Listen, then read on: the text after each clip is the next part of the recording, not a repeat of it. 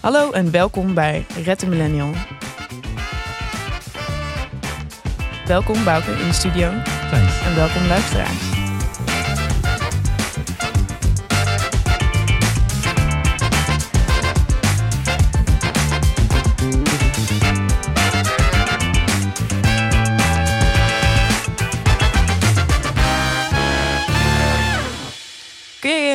Wij een tijdje geleden een aflevering hebben gemaakt over mannelijkheid? Zeker.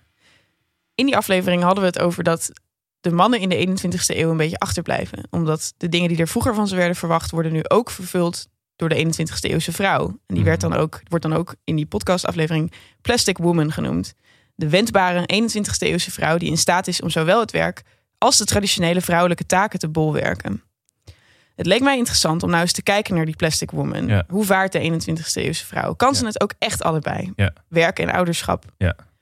Want in de praktijk pakt dat in Nederland niet helemaal zo uit. Nederlandse vrouwen die werken gemiddeld minder dan andere Europese vrouwen. Ja.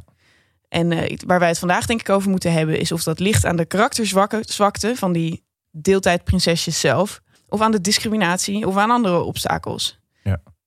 En dan kunnen we het ook nog even hebben, of, eh, hebben over... eh, of het ons uiteindelijke doel is om iedereen 40 uur aan het werk te krijgen. Ja, dus we gaan het hebben over het fenomeen de deeltijdprinses. Ja, Het is grappig, want deeltijdprinsesje, dat woord hebben we het afgelopen eh, anderhalf jaar enorm veel gehoord. Dat Ja. is een eh, pejoratieve term die duidt op de verwende Nederlandse vrouw die in deeltijd werkt. Want Ja. dat is dus het feit, een groot deel van werkende Nederlandse vrouwen werkt in deeltijd. Ja. Waar het overgrote merendeel van de werkende Nederlandse mannen voltijds werkt. En eh, ik dacht dat die term van Sander Schimmelpenning kwam. Want hij Ja, bezigt die term heel vaak. En hij een van zijn het lievelingswoorden. is een van zijn lievelingswoorden. En hij heeft het ook vaak over. eh, hij heeft het over deeltijd, decadentie of part-time prinsesjes. Ja, Ehm, dat zijn van die neologismen waar hij heel erg dol op is. Maar hij heeft het niet gecoind. In de pers komt dat niet oorspronkelijk van hem. Dus dat is wel interessant. van wie dan? Ehm, nou, de eerste keer dat ik het kon vinden was het van Simone van Saarloos. Die het dus juist in een soort feministische reactie had gebezigd. Maar dat betekent dus dat het volgens mij meer in de wandelgangen circuleerde... dan dat het echt gecoind is door, Oh ja. door Schimmelpenning. Nou, dat is Maar, interessant. maar zij, zij heeft het gecoind in een, Eh. in een feministisch frame. Ja, nou ja, zij heeft, het als, zij heeft het tussen aanhalingstekens zeg maar gebruikt. Eh, Ah. eh, zij heeft niet gezegd van ik ben een deeltijdprinsesje. Ze heeft gewoon als reactie. En dat was ergens in 2015. Ja. En ehm, nou, dat vond ik gewoon interessant. Want ik had verwacht dat als ik het ging zoeken in Lexus Nexus... dat het eerste is dat ik zou tegenkomen eh schimmelpenning zou zijn. Maar dat is Ja. dus niet zo. Ja, ja, ja, ja. ja. Goed, waar die, al die heisa om te doen was... eh, was het statistiekje dat de Nederlandse vrouw... eh, gemiddeld minder aan het bruto binnenlands product bijdraagt... dan iedere andere Europese vrouw. Oké. Dat, dat betekent- wil zeggen, dat wil zeggen dat in ieder ander Europees land de, Europees, de, de vrouw meer procentueel bijdraagt aan de inkomsten van dat land eh, eh, dan de Nederlandse vrouwen. De Nederlandse vrouwen die zijn gewoon, die lopen een beetje achter op de arbeidsmarkt. ja, dus en de mannen doen alles. Ja, nou en, het- en het, statistiekje dat daar dan ook hand in hand mee gaat, is dat het grootste deel van Nederlandse vrouwen parttime werkt. Ja. En Sander Schimmelpenning, opiniemaker des vaderlands, die ziet daar een heel groot probleem in, want hij zegt dat dat voortkomt uit een soort decadentie. Ja. En ehm, of het erg is dat een Nederlandse vrouw minder werkt dan een Nederlandse man, daar kunnen we het straks over hebben. Oké. Ik denk dat we het eerst even moeten hebben over de oorzaken van Ja, deze precies. ongelijke verdeling. Ja, hoe kan het? Want als ik goed begrijp, Sander Schimmelpenning zegt dus... eh, dat komt door die vrouwen zelf. Ja, ja. Nou, kijk, hij. Sander Schimmelpenninck heeft een interessante ontwikkeling doorgemaakt. Hij is nu een stuk linkser dan ik mij hem kan herinneren. Ja, ja heel erg. Ja. Maar, eh, en hij is ook zeker voor de emancipatie van vrouwen. Maar eh, in dit specifieke onderwerp wijt hij dit heel erg aan het gewoon aan een karakterzwakte van de Nederlandse vrouw. En dat is dan de eerste school of thought, is dat het de schuld is van, van een, een zekere luiheid Hm. en, en verwendheid dat de Nederlandse vrouw zo weinig werkt. Ja. En ehm, hij wijt dit sowieso ook aan een algemene Nederlandse werkhouding. Hij klaagt bijvoorbeeld altijd heel erg als we dan tweede hemelvaartsdag vrij krijgen of zo. Dan ja, wij werken zoveel minder dan andere landen. Dat is Ja. ook zo. Wij werken gemiddeld een paar uur minder dan andere Europese landen. Ja, daar heeft hij wel gelijk in. En wat ik daar heel leuk aan vind, dat bijvoorbeeld in Zuid-Europa, eh, waar wij allemaal over denken, oh, die zitten de hele dag in de zon. Ja, die zijn altijd siesta aan het houden. In Spanje en Italië wer- werken ze allemaal veel meer dan wij. Ja, officieel.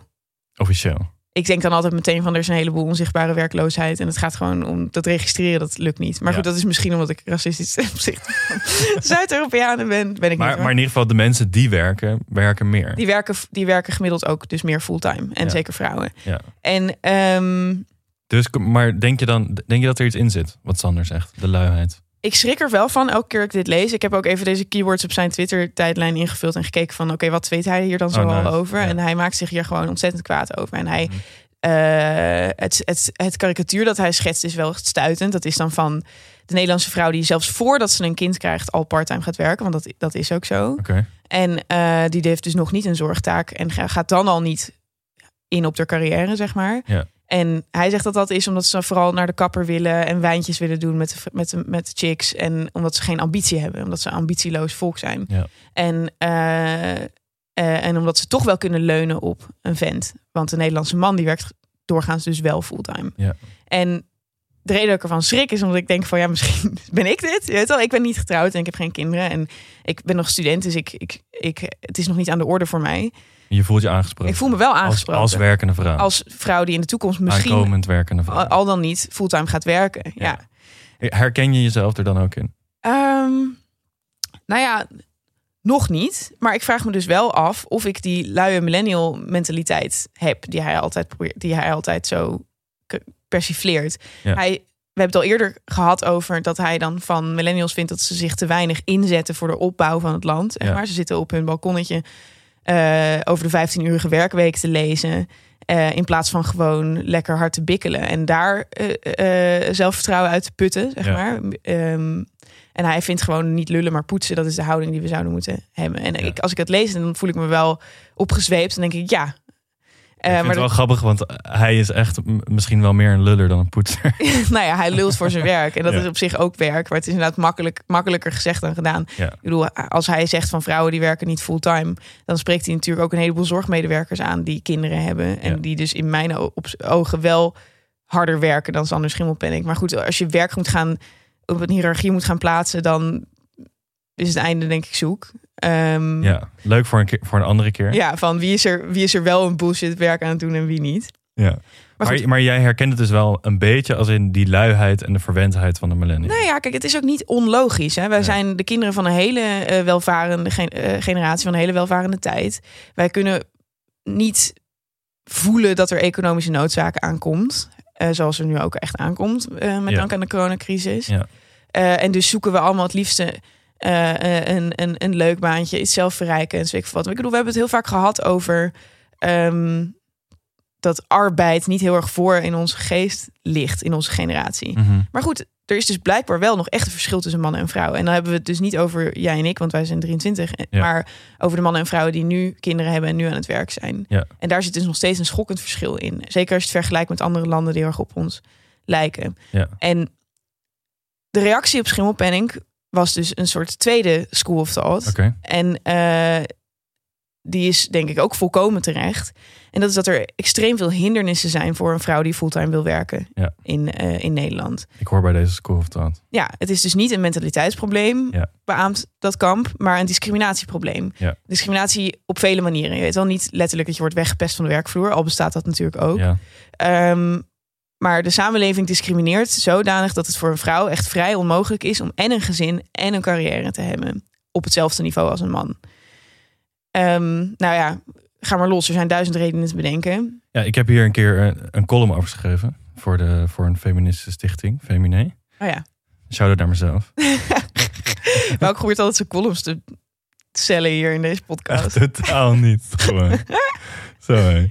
Ehm, ik heb hier een keer een column over geschreven ehm, die heel erg ging over vaderschapsverlof. Ehm, ik heb een, een, een boek gelezen van Olivier Puntelon, dat is een politicoloog uit, uit, uit België, Oh, die heb je ook gesproken in jouw eerdere podcast, toch? in, in de eerdere podcast. Hij is dus heel erg fan van de 30-urige werkweek. Oh ja, Kunnen we het een, een andere keer over hebben. ja.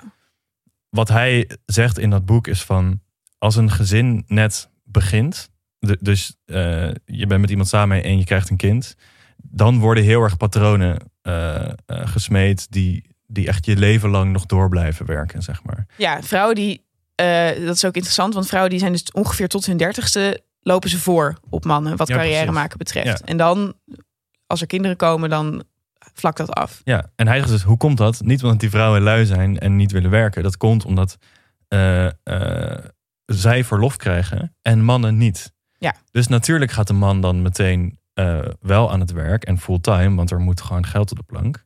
Ja. En dat is dan zo'n patroon dat erin komt. En zo heb je inderdaad nog veel meer, zoals je zegt, van dit soort Nee, meer systemische uitleggen van. Zeker, nou dit is één. Je weet wel. En verlof is dan onlangs voor mannen eh, verlengd tot vijf weken. Dus dat is al een hele stap. Maar als je het vergelijkt met wat Scandinavische broeders van ons... eh, is dat echt lachwekkend weinig nog steeds. Ja. En zeker op een carrière is dat natuurlijk niks, vijf weken. Nee, zij hebben drie maanden. Ja, minimaal. Dat is echt sick. Nou ja, ze hebben 18 maanden over twee eh, partners te verdelen. Ja, Eh, w- wat extreem progressief is. En waar zo'n Sander Schimmelpenninck bijvoorbeeld ook heel erg voor is. ja, ja, ja. Ehm, maar wat zijn nog meer hindernissen? Bijvoorbeeld, als je een vrouw bent van eh, eh, de leeftijd dat je ongeveer een kind zou krijgen, dan heeft een werkgever eh, is toch bevooroordeeld. Die denkt van ja, ik ben dan, als ik jou nu een chefpositie geef bijvoorbeeld, dan ben ik je ineens kwijt. Ja. Of dan wil je ineens maar drie dagen per week en dan heb ik je hier niet. Ja. Ehm, er zijn ook bijvoorbeeld een heleboel banen die voornamelijk door vrouwen worden beoefend, waar het moeilijk is om 40 uur ingeroosterd te krijgen. Denk aan de zorg. Ja. Eh, er is een groot tekort in de zorg. En toch, ik weet niet hoe dit precies werkt, maar kan bijna niemand 40 uur in de zorg krijgen. Nee, omdat de zorg helemaal kapot wordt bezuinigd. En Ja. iedereen flexcontracten krijgt. Nou, oké, jij weet wel het antwoord. Ja, En dat, zijn, dat, zijn, dat is een beroep waar vooral vrouwen in werken. Dan heb je ook nog eens het stigma eh, dat op vrouwen rust. Eh, je, wordt bijvoorbeeld, je wordt als ontaarde moeder gezien als je je kinderen naar de opvang doet. Ja. Eh, zeker als, je, als, ze nog, als ze nog geen één zijn en dus nog aan de type moeten liggen, zeg maar. Ja. Eh, dan, dan word je gezien als iemand die haar kind opoffert voor de carrière. Dat, die mentaliteit verschilt echt per land. Dat hebben wij, dat is niet per se natuurlijk. nee. Ehm, dan heb je ook nog eens de opvang zelf. Dat is vrij slordig geregeld in Nederland. Zie de hele toeslagenaffaire. Eh, het is diep onaantrekkelijk voor een eh, jonge moeder om haar kind fulltime op de opvang te doen. Of een groot deel van de week op de opvang te doen. Want het is extreem duur. Ja. En het is moeilijk te regelen. En het is ook nog eens van lage kwaliteit. Ja, en je komt, daar komt dus nog overheen wat je net zei, het stigma. Dat je eigenlijk een slechte moeder bent. Als, Als je het doet. Ja, nee, maar dat werkt elkaar dus, speelt elkaar dus enorm in Ja, de hand. precies. Ja. Want, eh, en die opvang is daardoor ook niet bedoeld voor zeg maar 40 uur per week. Ja. Het is bedoeld voor een ochtendje per week of zo. Dat je je oudere kinderen dan van school kunt halen Ja. woensdagmiddag. Ja. En ehm, Ik weet ook nog dat op de, op de basisschool eh, vond ik het heel zielig voor vriendjes van mij die moesten blijven na school. echt waar? Die op de buitenschoolse opvang zaten. Dat, Oh dat vond ik echt zielig. En nou ja, waarom vond ik dat zielig? Waarschijnlijk omdat ik dat ook van mijn eigen ouders misschien hoorde of in mijn omgeving meekreeg. In ieder geval, dat idee eh, heerste er wel. Voor Ja. zover er ideeën kunnen heersen onder Nou, precies. op de op. Maar Nee, ik snap wat je bedoelt. Overblijven is ook zo'n goed woord. Dat, is altijd, dat komt uit een tijd dat iedereen nog naar huis ging ja, voor de lunch, omdat mama thuis zat. ja, precies. en dan bleef je over en was je een soort banneling, een soort verstekeling. Ja, dan was jij degene wiens moeder niet van je hield. Ja, precies. ja. Ja, En dan heb je ook, op de, om de mannen nou nog eventjes een balletje toe te spelen. Daar rust natuurlijk ook een stigma op mannen die minder gaan werken. En eh, zeker een jonge man die in de bloei van zijn leven is en die carrière aan het maken is, die kan het niet maken om drie dagen per week op kantoor te verschijnen en dan niet bereikbaar te zijn op die andere twee dagen. Nee. Het, eh, eh, je laat dan gewoon zien dat je je kind verkiest boven het werk. En van vrouwen wordt dat dus verwacht en van mannen wordt dat dus niet verwacht. Dus Ja. het is, ik denk dat als je nu moet kiezen en je verdient ongeveer evenveel, dan ehm vrijwaar je van een heleboel kritiek als je gewoon de traditionele rol dan weer inglipt. Ja. En eh, de vrouw dan een half jaar vrij laat nemen en de man gewoon lekker weer terug naar het werk stuurt. Ja, en zo houdt iedereen elkaar in de tang. Ja. Dus je hebt gewoon letterlijk regels die je, die je tegenhouden, zoals verlofsregels. Ja. En gewoon de mentaliteit die er heerst. En hoe mensen ook naar elkaar kijken. Ja, nou ja, je hebt nog andere manieren hoe Nederland is ingericht. Bijvoorbeeld heeft iedereen in Nederland recht op AOW. Ook iemand die niet gewerkt heeft. Dat, is voor, dat zorgt bijvoorbeeld voor een heleboel goede dingen. Zoals dat er hier eh, vrouwen boven de 65... die verkeren in een heleboel landen in extreme armoede. In Nederland niet, want Ja. wij hebben universeel AOW. Ja. Eh, maar het zorgt natuurlijk niet... Het is niet een grote motivatie om carrière te beginnen als Nee. vrouw. Eh, want je kunt uiteindelijk toch, al gaat je vent dood... ergens van leven. Ja. Ehm, We kunnen hier denk ik wel concluderen dat onze vriend Sander Schimmelpenning het niet bij het juiste eind heeft. niet per se niet bij het juiste eind, maar het is nogal kort door de bocht. En hij Wat hij zegt. wat hij zegt. Namelijk dat het een mentaliteitsprobleem is van die vrouwen zelf. Ik denk dat zal heus, want eh, je kunt als vrouw kun je 40 uur per week carrière maken of 60 uur. En er zijn prima dingen voor te regelen. Je verdient dan genoeg geld om je kind naar de opvang te sturen, et cetera. Ja. Dus als je doorbijt. Maar ja, ik vind, ben voor een sterke staat. Ik vind dat doorbijten niet altijd de oplossing zou moeten zijn. Ik vind dat dit goed geregeld zou moeten worden. Ja. En eh wou nog op onze luisteraars nog op één ding wijzen. En dat is denk Ja. ik dat ehm, dat idee dat de moeder thuis moet zitten met haar kinderen, dat dat ook vrij recent is. Dus dat wordt vaak gezien als conservatief of traditioneel of Hm. et cetera. Ja. Eh, maar er was natuurlijk vroeger, toen we nog in zeg maar dorpen woonden, en dan heb ik het echt eh, prehistorie, eh, eh, in nomadische situaties. Ja. Ehm, Weet je nog? Weet je toen nog? Ja, jij bent een jaartje ouder dan ik, dus dat heb je nog meegemaakt. Nee, ik bedoel Ja. dat. ehm, het, is pas, het komt pas sinds de grote. Het is pas sinds de grote welvaart zo dat een vrouw op kosten van haar man alleen in huis zit de hele dag, zeg Hmm. maar vanaf de jaren 50. Want daarvoor? Daarvoor werd je wel ook een beetje in groepsverband opgevoed als kind. Ah, Dus een, vrouw, een vrouw deed dat nooit helemaal alleen. Ja, dus je, was- ja, je had oudere zusjes, je had eh, eh, eh, ehm, ehm, fami- eh, zussen en vriendinnen van die moeder. En je deed dat gewoon in een soort van groepsverband. Takes Ja. a village to raise a child.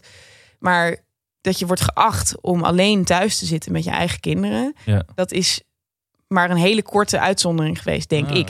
Dus je kind naar de opvang sturen is niet wat ik denk dat dat niet een teken is van een ontaarde moeder. Het is echt beter voor een kind om in groepsverband op te groeien en te eten met andere kinderen en te slapen met andere Oh ja, en je zegt, je bedoelt van. Dat was altijd al zo. Is eigenlijk de village. Ja, dat Dat was altijd al zo. Dat was Ja. altijd al zo. En, en, en eh, ik bedoel, ik ga nu wel, ik, ik overdrijf misschien een beetje hoor.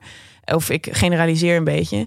Maar het idee dat het sowieso beter is voor de opvoeding van een kind als het de hele dag thuis is met alleen de eigen moeder. Dat komt eigenlijk helemaal nergens vandaan.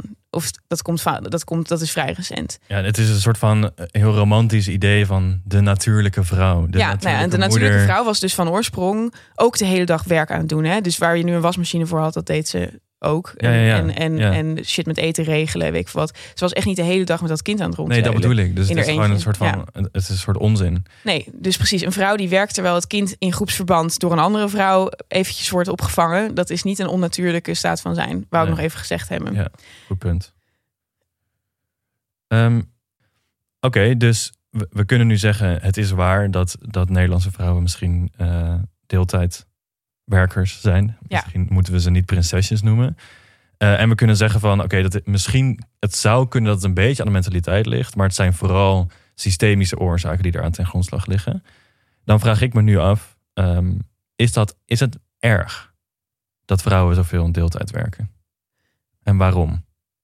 Eh, ja, hier, hier heb ik geen concreet antwoord op. Nee. Een, argument dat wel dat het erg is, is dat er gewoon werkuren, dat we werkuren tekort komen. Ja. eh, in Nederland. Ehm, dat, daar gaat Schimmelpenning deed het heel erg op hameren. Eh, van oké, we hebben een tekort aan werkuren in de zorg. Als nou iedere parttime medewerker in de zorg twee uurtjes extra per week deed, dan werd het al opgelost. Goed, ja. dat, is een, dat klinkt simpeler dan het waarschijnlijk is. Ja. Het is ook erg omdat. Het is erg als je gelooft dat een carrière eh, goed is voor jezelf. Voor je zelfontplooiing, voor je individuele geluk. Oké. hoe Dus als je, bedoel zegt van, oké, we hebben vrouwen, we hebben op een gegeven moment besloten van, oké, werk dat is voor een mensenleven is dat essentieel. Je moet Ja. gewoon kunnen werken en daar word je gelukkig van. Ja. Want Anders hadden we het altijd zo gehouden dat de man werkte en de vrouw niet. Ja. En dat hadden vrouwen dan ook comfortabel gevonden. Ja. Dus wij gunnen vrouwen ook de bevrediging die er hoort bij een echte carrière. Die je dus alleen kan, kunt maken, is de hypothese, als je 40 uur per week je inzet. Omdat we hebben gezegd, werk is eigenlijk het belangrijkste. Ja, nou ja, werken is voor jou als persoonlijk doel heel erg belangrijk. Ja. En, het is voor de, en het is voor de maatschappij heel erg belangrijk. Want er moeten nou eenmaal huizen worden gebouwd en er moeten pensioenen worden afbetaald. Dus we hebben gewoon een aantal werkuren nodig. En het is voor de persoon zelf is het prettig om een carrière te kunnen maken.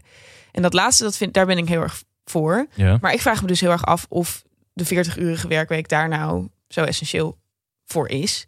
Eh, er zijn een heleboel argumenten voor, voor de flexcultuur. Maar daar zijn, wij, daar zijn wij aan de andere kant dan ook weer af en toe tegen Ja. geweest. Ja. Ik, ik neem aan dat jij hier een mening over hebt. Ja, wa- wat ik vind, wat, wat hier nog wel echt belangrijk bij is, is dat ehm, het is wel heel belangrijk als je in een, eh, in een gezin zit, dat in principe altijd kapot kan gaan.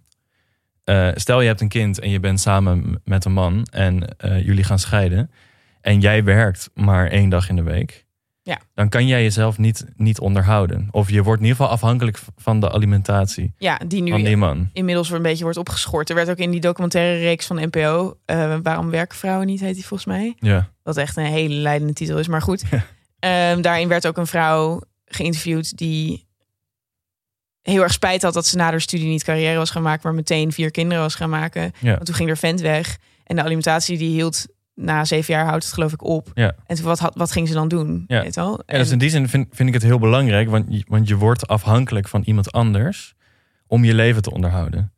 En als je op een niet leuke manier uit elkaar gaat, is het helemaal niet fijn om van zo iemand afhankelijk te zijn. Nee. Dus ik zie het wel eh, echt als een probleem, omdat het eigenlijk de, de, de vrijheid van de vrouw eh, in de weg zit.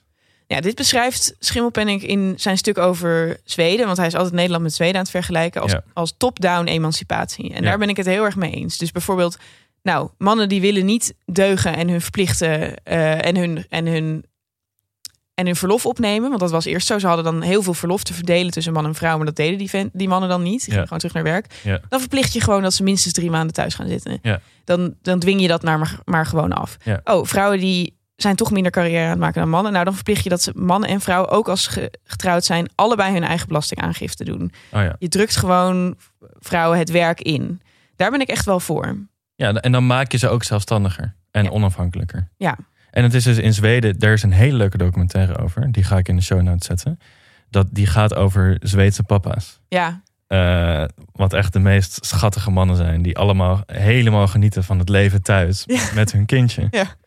Maar dat is toch hartstikke fijn voor, voor iedereen ook. Ook dat de mannen, eh, als ze dat willen, meer thuis kunnen zijn. En voor het kind kunnen zorgen. Ja. En dat de vrouwen dus meer kunnen werken als ze dat willen. En daardoor ook eh, financieel onafhankelijker zijn. nee, absoluut. Dus hier ben ik echt wel heel erg voor. Ja. En, dan, en, en, en als, dat, als een vrouw een obstakel voelt in haar missie om zo'n soort leven te hebben, dus werken en de geruststelling hebben dat je kind thuis is en de geruststelling hebben dat, jij, dat jouw boontjes gedopt zijn als die vent dan uiteindelijk weggaat, Ja. dat gun ik iedere vrouw. Ja. Maar de vraag is eh, of flex en, en parttime daar iets aan afdoet, zeg maar. Je kunt natuurlijk 30 uur werken en dan nog steeds je, je, je genoeg geld hebben. Ja, nee, oké. Ja, dat kan. Maar dan, dan moet je een hele andere eh flex-werkcultuur hebben dan wij in Nederland hebben. Nee, dat is waar. Want de flexcontracten bij ons, als je bij ons in, in deeltijd werkt, nou, het ligt natuurlijk aan je contract. Maar eh, eh, meestal betekent dat dat je elk moment kan worden ontslagen. En daarna geen, niet wordt doorbetaald. Dus geen uitkering krijgt, niks. Nee. Je hebt niks achter de hand. Je bouwt geen AOW op. Oftewel, ehm, hoe de situatie nu is bij ons, kan dat niet. En dit is natuurlijk, we hebben het hier eerder over gehad met Adriaan. Over een soort van dat verschil tussen eh flexwerken en, en, en deeltijd werken of flexibel werken. Ja. Dat ehm, er is een soort van paradox met werk. Dat wij soort van denken, oh flexcontracten zijn super relaxed, want we kunnen zelf onze tijd indelen. Alleen we nemen een soort van voor granted dat dat ook betekent dat je geen pensioen opbouwt en elk moment kan worden ontslagen. Terwijl je kan natuurlijk ook contracten hebben waarbij je eh, veel vrijheid hebt en misschien niet 40 uur hoeft te werken in de week, maar je wel gewoon goed voor je wordt gezorgd. Ja. Maar goed, is misschien een an- Nee, maar dat is andere een groter cultuurprobleem. Precies, inderdaad. ja, ja. Nee, oké, dus ik denk dat de- is het erg? Is, is, misschien zijn we het wel mee eens van oké, het is een zorgwekkende afhankelijkheid die vrouwen van hun mannen hebben. Ja, en die niet helemaal ja. aan vrouwen te wijten is. Ja, Eh, eh, en het, het zou ons netjes staan als we dat van top-down zouden oplossen. ja, En het zou ons vrouwen ook netjes staan als we wat meer noodzaak voelden om dit te doen. Ja. Ik denk dat ik ergens in mijn achterhoofd altijd nog heb van nou ja, als je eenmaal een kind met iemand hebt, dan kun je niet per se gaan luieren, maar dan, dan kan het niet anders of je eindigt niet onder een brug, want er is iemand anders aan het meedenken, Ja. zeg maar. Maar je hebt ook wel eens gezegd dat, dat je heel veel zin hebt om, om een kind te hebben, omdat dan ook de drukken met je wegvalt. Ja, om te presteren. Ja, dat is wel grappig. Dat, dat er minder van je wordt verwacht. Ja, nou ja, maar dat is wel dan weer dat ik iets positiefs weet te maken van het stigma. maar dit is natuurlijk wel, dit is wel een beetje waar Sander het over heeft, toch? ja, dat is zeker waar. Ik denk ook dat hij mij niet zou kunnen luchten, heel eerlijk gezegd. ik ben hier sta je namelijk best een beetje traditioneel in. Ja, Ehm, traditioneel op een hele specifieke manier. Ik ga het nu proberen uit te leggen. oké. Ik maak me in dit hele gesprek eh, tussen Schimmelpenninck en de wereld, zeg maar, Ja. ehm, maak ik me zorgen over een onderwaardering van de niet kwantificeerbare waarde van een moeder en van een of een vader, zeg Ja, maar. Van het, uit. nou ja, kijk. En dit, oké, dit is al heel vaak door, zeg, door extreem linkse partijen bijvoorbeeld opgevoerd als iets dat ontbreekt uit het gesprek. Oké, Eh, werk dat niet betaald wordt, wordt niet geregistreerd als werk. Dus huishoudelijk werk, Ah, ja. als een vrouw acht uur per dag staat te zwoegen thuis, Ja. dan staat, verschijnt zij nergens op het CBS. Ja. Dat, is, dat is gewoon zonde aan die statistieken. Want dan, dan zeg je dus van het werk dat thuis wordt gedaan, dat is geen werk. Dat is uiteraard wel werk. Maar goed, dat is al duizend keer gezegd. Ik denk dat er ook aan ontbreekt, is een soort van.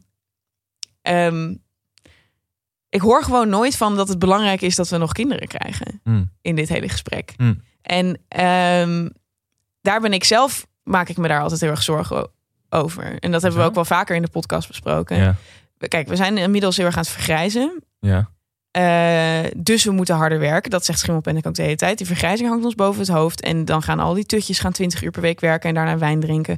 Waarom wordt er niet gewerkt? Hm. Vergrijzing is een groot probleem. Ik zou zeggen, de oplossing daarvoor is meer kinderen krijgen. ja. Ik denk dat ik daar een heleboel mensen voor het hoofd stoot. Omdat ehm, zeker in een soort van groene gedachtegoed is het niet goed om veel kinderen te krijgen. Ja, mijn groene hoofd zegt inderdaad meteen van... Maar we hebben toch veel te veel mensen. Ja, dat is ook. best, het zou best wel relaxed zijn als er wat minder zijn. Nee, ja, oké, maar dan zouden we massaal moeten gaan adopteren. En dat doen we niet. Nee. Dus als we binnen, binnen de landsgrenzen onszelf een beetje zwemmende willen houden, dan moeten we onszelf vervangen. Dus Of we laten één generatie gewoon vallen. ja, ja, maar we gaan niet stoppen met het AOW betalen. Dat doen we gewoon niet. Dus dan, dus dan als jij en ik geen kinderen krijgen. En eh, niet met elkaar, maar. ehm, Stel, wij krijgen geen kinderen. ja, als jij en ik Ja. allebei geen kinderen krijgen. Ja, dan zijn er weer minder mensen die voor ons voor onze oude dag gaan, gaan opdraaien. Ja. Dat is gewoon.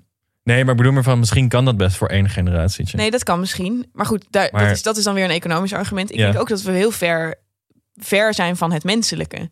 Zeg maar. ja, nee, precies. Je Het punt is, een- eigenlijk van wij zetten de hele tijd werk op één. Ja. Dat is het allerbelangrijkste. We moeten onze samenleving zo inrichten dat iedereen zoveel kan werken als ze willen, want dat is wat je gelukkig maakt.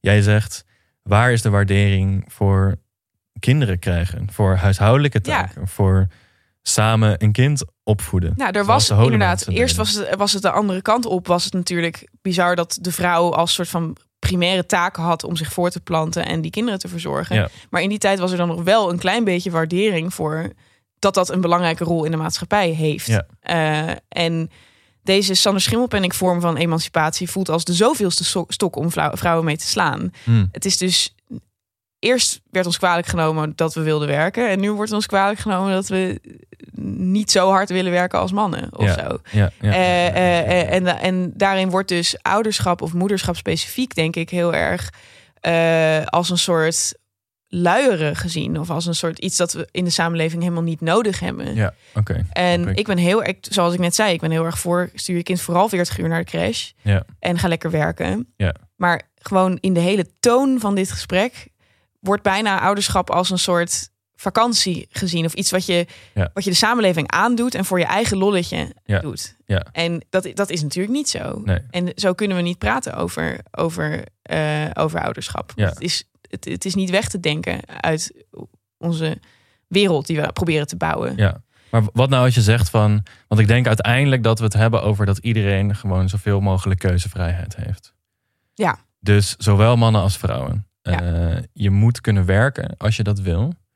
Maar dat betekent dus ook dat je moet kunnen zorgen als je dat Als je wil. dat wil. Ja, en ik denk dat. Ik zat de hele tijd terwijl ik hier naar over aan het lezen was, dat ik denk: van, ja, maar is dit niet wat de vrouwtjes wilden? Is dit niet wat ik wilde? Ja. Dat, dat er gewoon de druk op mannen en vrouwen gelijk wordt ongeveer om te werken. Ja. Ehm, maar ik denk ook van ja, maar we zijn er nog niet. Er is wel keuzevrijheid, maar de keuze is extreem beladen nog steeds. Ja. En ehm, ik las een stuk dat eh, eh, eh, een familielid van mij heeft geschreven. Zij is een jonge moeder, eh Lise Witteman. Zij was politiek verslaggever voor Telegraaf. Nu is ze politiek verslaggever in Brussel. Ja. En zij heeft een jong zoontje. En ehm, zij en haar man hebben dat vrij onorthodox gedaan. Ze hebben allebei drie maanden vrijgenomen. Mhm. En zijn gaan co-ouderschap gaan doen, gewoon vanaf het begin. En eh, uiteraard was dat zo nieuwswaardig dat ze daar echt vier vrouwenbladen over vol kunnen schrijven. Ja. Eh, Wacht maar, co-ouderschap, hoe bedoel je dat precies? Oh, nou, sorry, sorry dat, dat betekent meestal met gescheiden ouders, toch? Nee, ik bedoel dat ze gewoon letterlijk allebei thuis waren de eerste drie maanden. Ja, precies. Ja. En, en dat hij dus ook... Scandinavische model. Ja, het Scandinavische model Ja. inderdaad. Hebben ze zelf gedaan. Hij Ja. heeft gewoon vrijgenomen van zijn werk. Nice. En ehm, hij verdient prima. Dus ze zitten ook in de luxe positie om dat te doen. En, en- goed, maar wel, wel Heel chill van hem, ja. Ja. En ehm, nou ja, dat leverde ze gewoon allemaal rare dingen op. Ten eerste zat hij, wilde hij gewoon meedoen met de ouderschapsdingen, maar waren die allemaal compleet op moeders gericht in de Hmm. eerste dagen, weet wel. Hm. Dat het praatgroepje over maagkrampjes, daar was hij de enige vent, weet Ja. wel. Eh, wat op zich geen niet een groot probleem is, maar je voelt je dan niet per Nee, se welkom Ja, als maar jonge dat zijn die subtiele dingen die dus heel erg in de, in, wel in de maatschappelijke eh, idee zitten. Ja, en zij had andersom het, het Ja. stigma van de vrouw. eh, ehm, zij was bang om niet meer als functioneel onderdeel van de, van de werkende massa gezien te worden. Hm. Ja. Op het moment dat ze een kind kreeg. Ja. Zij heeft haar zwangerschap ook op haar Twitter, wat voor journalisten een heel belangrijk onderdeel van hun eh, profiel is. Ja. eh, heeft ze gewoon verzwegen tot de twee weken voordat haar ver- verlof weer zou eindigen. Dus tot het kindje Oh, er al wow. ruimschoots was. Wow. Eh, heeft ze, toen heeft ze gezegd van over twee weken begin ik weer. Je Weet wel? Ah. En zodra ze begon, en dit, is een, dit klinkt als een heel klein detail, maar ik vond het wel saillant. Ja. Ehm, heeft ze haar WhatsApp-profielfoto van een foto met de baby veranderd in een foto waarin ze gewoon met blazer, zeg maar, er werkwaardig Wauw. uitzag. Omdat ze gewoon bang was dat ze als zo'n moedertje gezien zou worden. Ja. En zij had het idee dat haar man daar helemaal niet daar last van had. Ja. Hij had eerder dat hij zich bijna geneerde om hoeveel schouderklopjes die de hele tijd kreeg. Van Ja. wat ben je dapper en wat ben je dit goed aan het doen.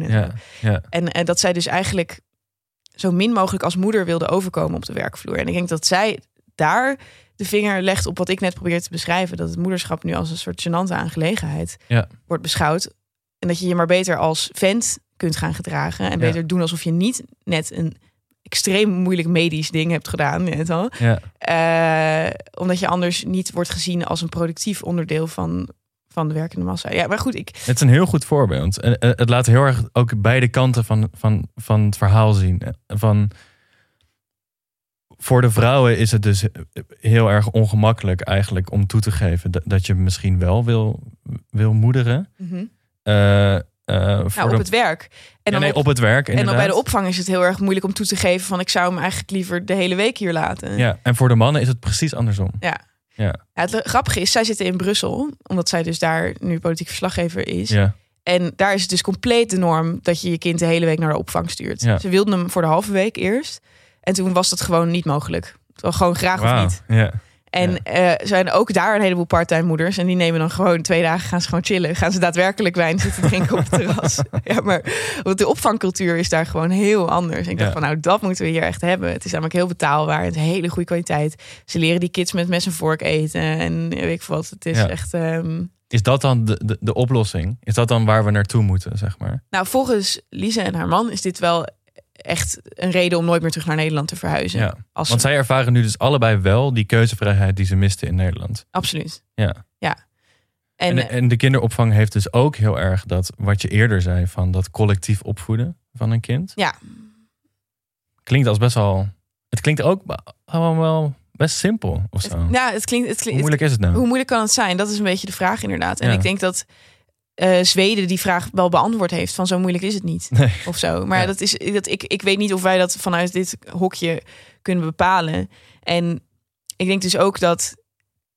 ehm, kijk, aan het verhaal dat een vrouw beter kan opvoeden dan een man is helemaal niks waar. Volgens alle onderzoeken. Wat ik Ja. wel een geruststellend feitje vond. Ja. Stel dat jij eh, als weduwnaar eindigt of dat je gewoon helemaal geen zin meer hebt om te werken. Jij kunt dat echt net zo goed als een vrouw dat kan. Ja. Het is meer zo dat de mannen vaak de eerste paar maanden missen en daardoor echt achterlopen in het begrip van hoe zo'n wezentje werkt. Ja. Ehm, eh, maar ja, ik, ik vraag me dus af of je als werkende vrouw of als soort van carrièremakende vrouw nog hardop mag zeggen van ik zou het echt heel leuk vinden om gewoon een paar dagen per week thuis te zitten met dat kind. Ja. En dat is, dat is het enige waar, waar ik dan bang voor ben in mijn toekomst. ja, want hoe zie jij dat voor je? Ehm, ik, weet niet hoe straks het, gaat werken. ik weet niet hoe het is om een kind te krijgen. Kijk, ik hoop heel erg dat ik, dat ik eerst nog een paar goede jaren echt knijterhard kan werken. Ja. eh, zonder over een gezin na te hoeven denken. Ja.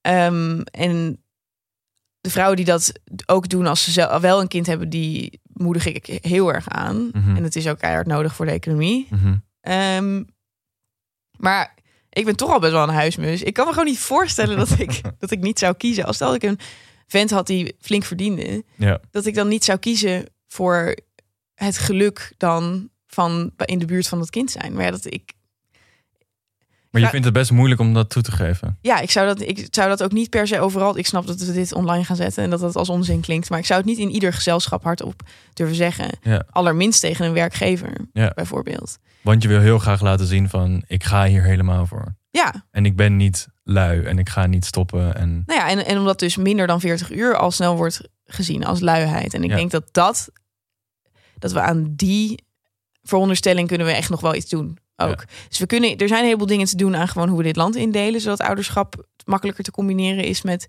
werk. Zodat vrouwen weer net zo goed in de arbeidsmarkt staan als mannen. Ja. En ik denk dat dat ook heus wel echt komt. Ja. Maar we moeten ook echt iets doen aan, eh, aan het idee dat je niks meer waard bent als je niet fulltime je op je werk kunt richten. ja, we moeten werk misschien wat minder belangrijk vinden. Ik bedoel, eh, onze generatie zit ook allemaal aan de burn-out. Omdat ze verslaafd zijn aan werken. Ja, maar verslaafd zijn aan werk. Kijk, aan de andere kant is het niet het soort werk dat een land weer, weer opbouwt of zo. Dus ja, het is, ik, ik, ik, ik zit ook heel erg nog steeds met schimmelpenning in mijn hoofd. En ik denk van, oh, we komen echt tekort aan werkuren. Ja. Eh, dus misschien moeten gewoon een heleboel mensen stoppen met columns schrijven en podcasten. ja, maar is dat niet gewoon hoe het zit? Nou, ik, ik, ik weet hier een oplossing voor. Oké, vertel. Nee, dus die, weer die Vlaamse politicoloog, Olivier Pintelon, die dus schreef over de 30-urige werkweek. Die zei dus eigenlijk van, eh, eh, als, als iedereen 30 uur gaat werken, dat betekent dat de mannen wat minder gaan werken. Dat de vrouwen wat meer gaan werken. Eh, dat, dat ervoor zal zorgen dat we productiever zijn. Minder werken of minder lang hoeven werken zorgt over het algemeen dat je productiever wordt. Dus dat is goed voor de economie, zegt hij, om minder te werken. Ja, Gaat eigenlijk ook wel tegen schimmelpanic in. Eh, en dat verhelpt heel veel genderongelijkheid op de werkvloer. Dan heb je denk ik een beetje van beide, van wat je net zegt. en ben je maakt niet werk wat minder staatskas aan belangrijk. het uh, leegroven op zo'n moment? Nee, dus helemaal niet. Oké, Je- De productiviteit gaat omhoog. Er komt meer geld in de kas als je minder gaat werken. Ja, dat is interessant. Hier moeten we een keer een hele aflevering over maken. Ja, dat lijkt me heel erg leuk. Ik ben voor nu nog eventjes benieuwd van... We hebben best wel vaak erover gehad dat jij niet de traditionele man bent. Zeg maar dat je best wel een millennial man Ja. bent. Of dan eh jonge hippe man, zeg maar. Zou jij het kunnen slikken? Want jij bent ook een hele harde werker. Je werkt, je werkt graag veel en hard. Ja. En je, je blinkt graag uit in de dingen die je doet. Ja. Stel dat jij een vrouw had die echt heel erg carrière maakte. En jullie Ja. eh, eh, eh, nemen een kind. Ja. Zou jij het dan kunnen hebben, gewoon voor je e- ego, om drie dagen per week te werken? Ja, dat is, en dat is echt een goede vraag. En confronterend. Want ik zou, ik zou willen zeggen, vanuit mijn, mijn progressieve, jonge, hippe mannenhart. nee, dan, dan ga ik prima wat minder werken. Maar ik weet van mezelf dat ik werken gewoon heel erg belangrijk vind. En heel leuk. Ja, maar wie gaat dan... Zij dan toch? Ja, nou, nou, ik, ik zou dus zeggen, ik gooi mijn kind wel naar de kinderopvang. Ja, maar dan moet het dus echt beter worden hier in Nederland. Want Ja, wat dat- ik over hoor is dat het gewoon niet goed is kwalitatief. Nou, je kan vast wel een goede kinderopvang vinden. Ja, Het nee. gaat, je, gaat je waarschijnlijk heel veel geld Je moet heel kosten. veel flappen hebben dan. Dus dat betekent ook dat, dat ik eh, heel rijk moet worden. Ja, oké, maar als ik gewoon heel hard werk. nee, maar ik heb wel, voor mij is wel het risico dat ik soort van ga denken van... Oh, maar dan ga ik en 40 uur werken in de week. En 40 uur met, mijn- met mijn kind doorbrengen. Eh, maar zoveel uur is, is, is er niet. Nee, zoveel uur is er niet. En we kunnen Zoveel uur is er trouwens wel in een week. Nee, dat snap Maar ik. goed. Maar we, we moeten ook niet hebben dat jij je na twee jaar van dit tempo ophangt... en dat je vrouw dan alleen achterblijft. Mm. Het zou het wel makkelijk maken op zich. Maar Nee, goed, ik weet niet of we, het, of we het al genoeg hebben gehad over dat stigma. Terwijl we spraken even onze hoofdredacteur, eh, onze nieuwe hoofdredacteur, onderweg eh, naar, de, naar de studio. En hij is vader en hij zei van, er, je wordt toch wel een beetje geacht eh, het aan je vrouw over te laten. Of in ieder geval is dat de, de borrelpraat onder mannen. ja, ja, dat het gewoon cool is om te zeggen van... eh, Ja, als de, oh, wekker, die als de baby luiers, gaat huilen, eh, dat dan... kan ik niet hoor. Ja, Ah. precies. En als de baby gaat huilen, dan doe ik alsof ik slaap en dan staat zij op. Zeg Ja, maar. ja. En eh, ik weet het niet. Ik vraag, ik, is dat heel erg kwalijk? Ik denk ook, om even met een positieve noot misschien te eindigen, dat dit allemaal zo nieuw nog. Twee Mhm. generaties geleden was het echt ondenkbare discussie. Ja. Dit. Eh, van moet een man überhaupt. Ik bedoel, dan had je twee dagen. Je weet wel, de dag dat je kind werd geboren en één dag om hem in te schrijven bij de burgerlijke stand. Ja. En dat was het. Ja, Dan. ja. en je kreeg niet doorbetaald in die twee dagen. Nee. En eh, qua verlof dan, hè. En, en dan was het ook echt doodnormaal als een man nooit een luier verschoonde. Ja. Dus Dus het is langzaam aan het veranderen. ik denk dat het razendsnel aan het veranderen is. Ja, want de- de- toen hij dat dus zei, onze hoofdredacteur, toen dacht ik meteen van, dit zou in mijn vriendengroep nooit gebeuren. En ik zit misschien wel in de meest jonge, hippe mannen vriendengroep van, van Nederland. maar eh, bij ons zou ik echt eerder worden aangekeken op dat je te, te weinig eh luiers verschoont. Ja, nee, dus ik zou. Dus ik denk dat het echt wel aan het kenteren is. En ik denk inderdaad ook wel eigenlijk dat dat best wel snel gaat. Ja, dus misschien zijn we ook gewoon spuit 11 met het over deze problematiek hebben. Dit gaat natuurlijk ook over de generatie die nu al, al ruimschoots aan het werken is. Ja. Daar kun je over zeggen van oké, vrouwen die werken daar echt opzienbarend weinig. En ook, maar misschien verandert het gewoon in onze tijd. Dat zou kunnen. Ja, en ik, maar ik weet niet of we dan spuiten elf zijn. Want ik denk dat er ook heel veel mensen zijn van onze leeftijd die er niet zo over nadenken. Ik denk dat over ouderschap sowieso vrij weinig wordt nagedacht door mensen van onze leeftijd. Ik word altijd als een soort fucking vruchtbaarheidsfreak gezien, omdat ik me daar zorgen over maak. Maar ik. ehm, Maar wanneer ben je uitgerekend? jongens, ik ben niet zwanger. Ik heb wel echt het idee dat als dat een keer gaat gebeuren, dat ik het dan live in de podcast ga aankondigen. Ik dacht even ging zeggen dat je live in de podcast wilde bevallen. maar ik, ik wil eigenlijk wel graag gewoon met een microfoontje daar, daarbij zijn. Ah, ja. Nou, daar kun je je vast op gaan verheugen. Ja. Ik weet niet of we Red Millennial nog tien jaar gaan volhouden. Nee, want jij gaat eerst nog even heel hard Ik carrière ga even maken. carrière maken. Ja. 40 uur is wel veel. Mag het niet wat minder? nou jongens, dat was hem je weer. moet de goede mentaliteit hebben. Kom op. Huis bouwen. Alright. Ik werk gewoon 50 uur in de week. Dat, kunnen we dat niet afspreken? Dat jij 60 uur werkt en ik 20. en dan dat we dat, dat we dan hoeven, hebben we een soort van aflaat betaald aan de, aan de schimmelpenninggoden. En dan kunnen ze van jouw BBP kunnen ze dan iets doen. En dan kan ik een prinsesje blijven. Ja, maar dat betekent wel echt dat ik me dan over twee jaar ga ophangen. Dus eh, ik weet niet hoe, hoe goed idee dat nou is. Nee, oké, nou denk, eh, slaap er nog maar een nachtje over. en ehm, dan zien we jullie weer volgende week. Ja. Bedankt voor het luisteren. Bedankt voor het luisteren. Bedankt aan onze studio, Dag en Nacht Media. En onze producers Suzanne Moeilijker. Bedankt aan Roos Vervelde voor het maken van ons logo. En bedankt aan jullie, de luisteraars. Eh, als jullie ons willen steunen, zodat wij ook flappen kunnen toevoegen aan het bruto binnenlands product. Surf dan naar www.vriendvandeshow.nl schuine streep Red Millennial en word vriend van de show. Dit is ook onbetaald werk. Ja, dit is ook onbetaald werk. Ja, Het is niet een zorgtaak. voor mij wel. Je bent mijn mantelzorger. Ja. Als jullie contact met ons willen, dan kan dat via redmillennial.gmail.com of via Twitter, redmillennial of via Instagram, redmillennial. Tot volgende week. Bye.